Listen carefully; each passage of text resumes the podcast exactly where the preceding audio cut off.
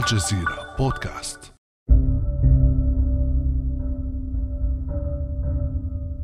العدو هو اللي ما يقدر وقفتك معه ويسبك ليل نهار أكثر من الإسرائيليين. إيش قصدك يعني؟ قصدي كل تضحياتنا علشان فلسطين. دخلنا حروب علشان فلسطين. قطعنا النفط علشان فلسطين. يوم صار عندهم سلطة ندفع تكاليف ورواتب وحنا أحق بهالفلوس. وما يصدقون على الله يلقون هالكبر فرصة ويهاجمون السعودية. فقد تم الإعلان عن إقامة دولة إسرائيل في مدينة تل أبيب عند انتهاء الانتداب البريطاني على أرض إسرائيل. على أرض إسرائيل. هذا ما تعرضه فضائية MBC على شاشاتها وتروج له خلال شهر رمضان المبارك. دراما تطبيعية تشيطن الفلسطينية وتلمع الإسرائيلي، وتدعو إلى إعادة تعريف العدو وإعادة العلاقات مع اليهود الإسرائيليين. فلماذا تجاهر أنظمة سياسية بهذا التحول الواضح تجاه إسرائيل الآن؟ وهل تنجح في تحقيق أهدافها؟ وهل حقا هناك من يستفيد من الهرولة إلى التطبيع مع إسرائيل سوى المحتل نفسه؟ بعد أمس من الجزيرة بودكاست أنا خديجة بن جنة.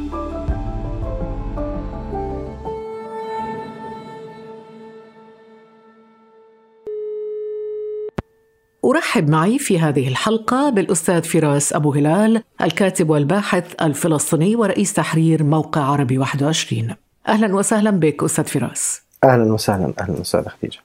أستاذ فراس أبو هلال طبعا في كل رمضان هذه ليست ظاهرة جديدة في كل رمضان من كل عام تفاجئنا الدراما العربية بمسلسلات مثيرة للجدل. لكن هذه المرة كما يقال زودوها يعني مسلسل مخرج سبعة مسلسل أم هارون وغيرها من المسلسلات تجاوزوا كل الحدود.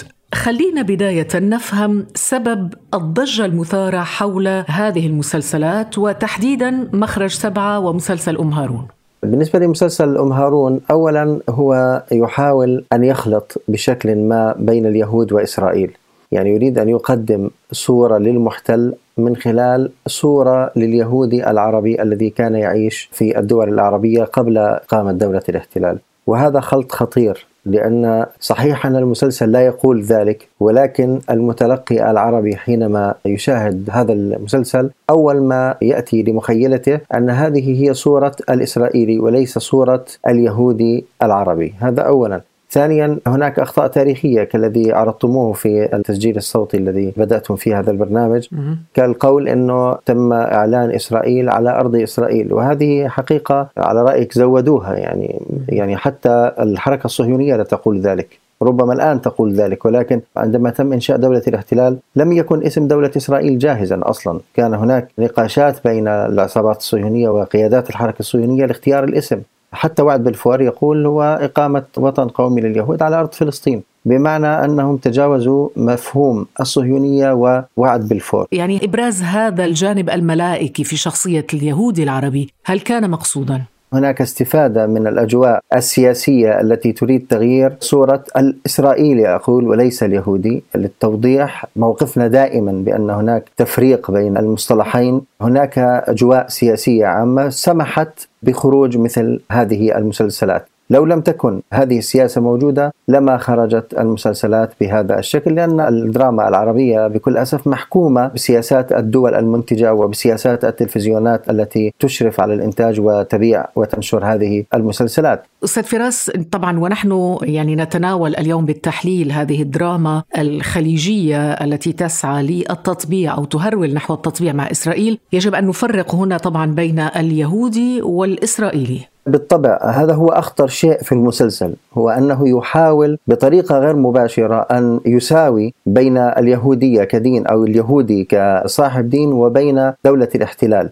نحن لن نتورط بهذه المساواة نحن نتعامل مع اليهودي كأي صاحب دين فيه الخير والشر فيه الجيد والسيء. بينما أريد من خلال المسلسل بصورة غير مباشرة الخلط المتعمد بين هاتين الصورتين بين صورة صاحب الدين العربي اليهودي وبين دولة الاحتلال وصناعة وعي زائف لدى المواطن العربي أو المتابع العربي لهذا المسلسل بأن دولة الاحتلال ربما تكون انطباعا لصورة هذا اليهودي الطيب. وهنا الخطورة. نحن نقول أن مشكلتنا ليست مع اليهود بالعكس هم جزء من النسيج العربي والجزء من النسيج الإسلامي كانوا حتى رحيلهم إلى دولة الاحتلال ولكن مشكلتنا هي مع دولة استعمارية إحلالية قامت بطرد شعب وإحلال شعب آخر مكان هذا الشعب ونعني به شعب فلسطين.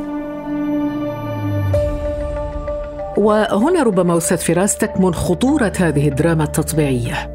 مثلا في الحلقة الأولى من مسلسل أم هارون الخليجي ظهر مشهد زاد من حدة الجدل حول هذا العمل الدرامي. هذا المشهد يظهر أهالي المنطقة وهم يستمعون إلى الراديو والراديو يعلن قيام إسرائيل على أرض فلسطين العربية.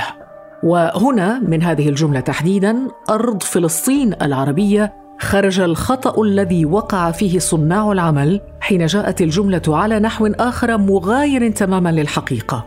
إذ قال قارئ البيان ضمن أحداث المسلسل فقد تم الإعلان عن إقامة دولة إسرائيل في مدينة تل أبيب عند انتهاء الانتداب البريطاني على أرض إسرائيل هذا المقطع الذي احتوى مغالطة تاريخية جعل النشطاء عبر مواقع التواصل الاجتماعي يطالبون بمقاطعة هذا المسلسل موضحين أن المشهد مقصود وأن هناك أوامر بعدم ذكر اسم فلسطين في المسلسل. أستاذ فراس إذا كان هذا فعلا هو القصد ما الهدف إذن من تمرير هذه الرسائل عبر الأعمال الدرامية؟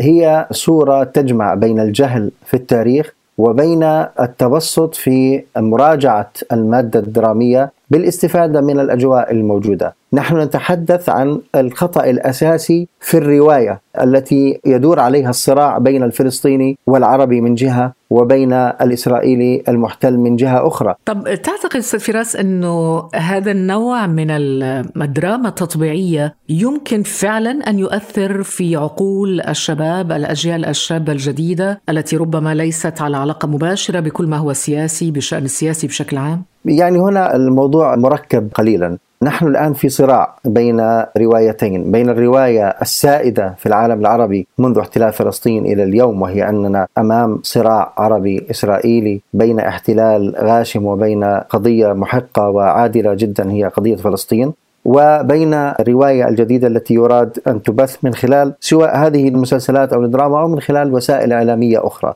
في البداية أعتقد قد يحدث تأثير خصوصا على الناس غير المسيسين غير المطلعين على فئة الشباب الصغار. ولكن مع الوقت أعتقد بأن رواية الصراع الأساسية هي التي ستنتصر. أنا دائما أقول بأنني أراهن أن سقوط شهيد واحد في فلسطين سيكون له فعل مضاد لكل المسلسلات التي تحاول تغيير الصورة. وكان لك في هذا السياق مقال حول هذه النقطة بالذات وهي أنه شهيد واحد يساوي كل الدراما التطبيعية. نعم حقيقة أنا أقول هذا وليس من باب الشعارات أو من باب العواطف وهذه مجربة حتى في السنوات الماضية. صحيح أنه لم تكن هناك حملة واسعة لتغيير الرواية وشيطنة الفلسطيني وترويج التطبيع بهذا الحجم الموجود الآن ولكن كان هناك أصوات خصوصا في بعض الصحف الخليجية والمواقع وحتى التلفزيونات تروج لهذه الرواية ومع ذلك الجو العام في دول الخليج العربي كان مخالفا لما تريد هذه الرواية أن تنشره. طيب هل تعتقد أستاذ فراس أن هذه الدراما التطبيعية ما كان لها لتنتعش في شهر رمضان هذا لو لا وجود حاضنة سياسية ترعاها وهناك بالتأكيد أبعاد سياسية لهذه الأعمال الدرامية أليس كذلك؟ مئة بالمئة نحن للأسف حينما نتحدث عن الدراما العربية أو الإعلام العربي بشكل عام في مجمله هو يعني إعلام ودراما وتلفزيون كله يسير وفق سياسات الدولة ولا يمكن أن يتصرف بموضوع أساسي ومحوري مثل العلاقة مع الاحتلال إلا وفق تغييرات هذه السياسة. لا يمكن أن نقول انه فجأة تغيرت شركات الإنتاج العربية وأصبح لديها رؤية أخرى، بالعكس هناك حاضنة سياسية بل على العكس أنا أقول أن هناك شبه أوامر أو تعليمات لتغيير الرواية في الدراما العربية اليوم يتم شيطنة الفلسطيني وتبرئة الاحتلال حتى تقبل غدا سياسات الارتماء بأحضان الاحتلال، يعني القصة مش اعتباطا. نعم، ربما في كلامك أستاذ فراس أبو هلال يعني جواب لتساؤل حول هذه الدراما يعني زمان مثلا أنا من الناس اللي زمان في رمضان كنت أشاهد مسلسل طاش مطاش، مسلسلات فكاهية ترفيهية في رمضان بعد الإفطار، الآن تغير الوضع لم نعد نشاهد هذه المسلسلات الفكاهية واستبدلت بهذه الدراما التطبيعية، الآن تحديدا لماذا هذه الأعمال ظهرت الآن ولم يعني تظهر في وقت سابق؟ الآن في استفادة من أجواء سياسية حصلت في السنوات الماضية للأسف كانت في مجملها سلبية. البعد الأول هو غياب الشعوب العربية عن ردة الفعل القوية لأن الشعوب العربية مستنزفة بقضاياها الداخلية. يعني كل دولة عربية وكل شعب عربي لديه مشكلته الخاصة. كورونا أيضا أضاف بعدا آخر على ضعف الردود الشعبية. هناك أيضا حالة من التوحش لدى الأنظمة العربية التي تسمى بمحور الثورة المضادة الآن. هذا التوحش جعلها تتصرف في الساحة بدون رقيب أو حسيب، يعني في السابق كان هناك يتم حساب ردات الفعل الشعبية، الآن هذا الأمر غير موجود لأنه أي شخص يتكلم بعكس ما نعم. تريد السلطة يتم تغييبه وسجنه وربما قتله، فبالتالي هناك استفادة من حالة التوحش. هذا يقودنا أستاذ فراس للحديث عن ردود الأفعال على هذه الدراما. فمثلا في مقابل الإشادة الإسرائيلية بالأعمال الخليجية لهذا العام تحديدا سمعنا أيضا عن مسلسل النهاية المصري الذي لقي احتجاجا وغضبا إسرائيليا واسعا. ففي مشهد من مسلسل النهاية وقف معلم في فصل مدرسي أمام تلاميذه وقال الولايات المتحدة الأمريكية كانت الداعم الرئيسي للدولة الصهيونية. ولما جت الفرصة للدول العربية إنها تتخلص من عدوها اللدود وقامت الحرب اللي أطلق عليها حرب تحرير القدس.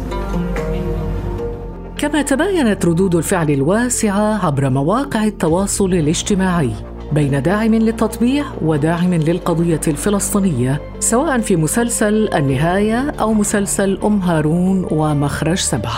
الناشط يحيى حديد قال الغريق يتعلق بشعره. هذا ما ينطبق على دول الخليج التي غرقت في بحر ترامب والآن تتمسك بشعرة الصهيونية. التطبيع بمختلف أشكاله رمال متحركة يغرق من يسير فيها. أم هارون مخرج سبعة قطار التطبيع ينطلق في رمضان عبر مسلسلات خليجية. وفي المقابل يرد الناطق باسم الجيش الإسرائيلي أبيخاي أدراي الخلاصة التي نخرج منها بعد كل الردود الكارهة لليهود أثناء بث مسلسل أم هارون هي أن اليوم لسنا شعبا مغلوبا على أمره يستغيث بالآخرين وإنما دولة عاقدة العزم على النضال من أجل سلامة وأمن مواطنيها. إسرائيل هي الضامن الوحيد ألا يستطيع مطلقي هذه الشعارات تحقيق أحلامهم القبيحة أبداً. كما أثنت القناة الثانية عشر الإسرائيلية الخاصة في تقرير لها على مسلسل مخرج سبعة قائلة إنها المرة الأولى التي يتحدثون فيها علانية في السعودية عن أن إسرائيل ليست عدواً. أستاذ فراس أبو لال ظلت طبعا القضية الفلسطينية هي القضية المركزية الأولى لدى الشعوب العربية ثم جاء الربيع العربي وانشغلت الشعوب بقضاياها الداخلية ثم جاءت موجة التطبيع محمولة على أكف الثورات المضادة. هل برأيك ستنجح هذه الدراما التطبيعية في تغيير موقع القضية الفلسطينية لدى العرب؟ حينما حدث الاعتداء الإسرائيلي في 2012 ضد قطاع غزة أو في 2014 أو حينما حدثت الصراع حول بوابات الإلكترونية في المسجد الأقصى كان هناك ارتفاع في الاهتمام الشعبي العربي في قضية فلسطين حتى أن في الغرب كان يطرح سؤال في الوسائل الإعلامية لماذا يتم الاهتمام بكل هذه الدرجة فيما يحدث في فلسطين بمقابل اهتمام أقل بالأحداث العربية الأخرى مع إنه حجم القتل مثلا والدمار في مواقع عربية أخرى هو أقل مما يحدث في فلسطين؟ هذا يطرح بسبب ما لاحظه الإعلام الغربي من تفاعل الشعوب العربية مع قضية فلسطين، أنا أقول بأن هذه القضية ستبقى مركزية وستبقى استراتيجية مهما حاولوا،